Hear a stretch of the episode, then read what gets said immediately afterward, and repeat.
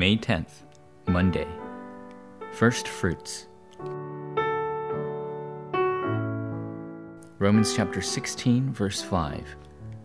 Greet also the church that meets at their house. Greet my dear friend Epaenetus, who was the first convert to Christ in the province of Asia. The people recorded in Romans 16 received the blessings of God through the gospel, from the beginning to the end. In addition, even greater fruits were produced after their deaths. 24 people appear in Romans chapter 16. Among these individuals, there were women and slaves, and people connected with the royal family. Epaenetus was not the only first convert in Asia, but also a very important individual who helped Paul's ministry until the end. We, too, must be used like Epaenetus from the beginning to the end. Number one, we must enjoy the blessing of the originator. Epaenetus was considered one of the first fruits that were produced in Asia.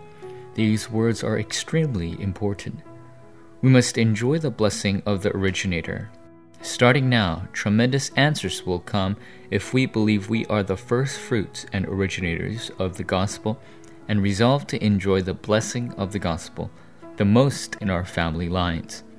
Abraham was the first believer in Ur of Chaldea. Peter was the first person who made a confession regarding the Christ. Paul was the first missionary. God has called us as the first fruits of the gospel in the various fields we are affiliated with in order to save our family lines, workplaces, and school fields. Number two, we must know the method of God. We can be used by God from first to last if we realistically know God's method. Because we are children of God, we will absolutely succeed if we find God's method. God gives us continual answers in the gospel, and it is so important for us to find them. We will receive answers if we think of today's word in the morning and pray.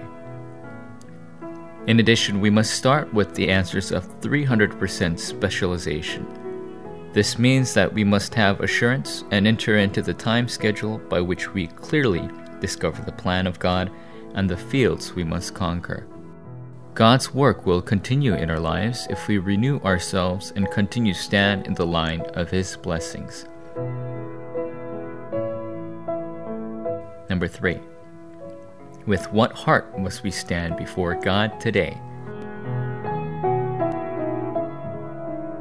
We must give ourselves to God as a living sacrifice.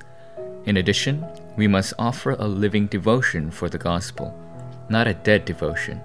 If we partake in a living martyrdom rather than a dead one, the works of answers will continue to arise.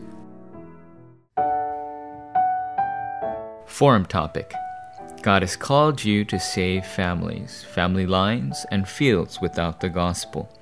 Embrace your family, family line, and fields in your heart. Write down the names of people you want to pray for and start an important prayer.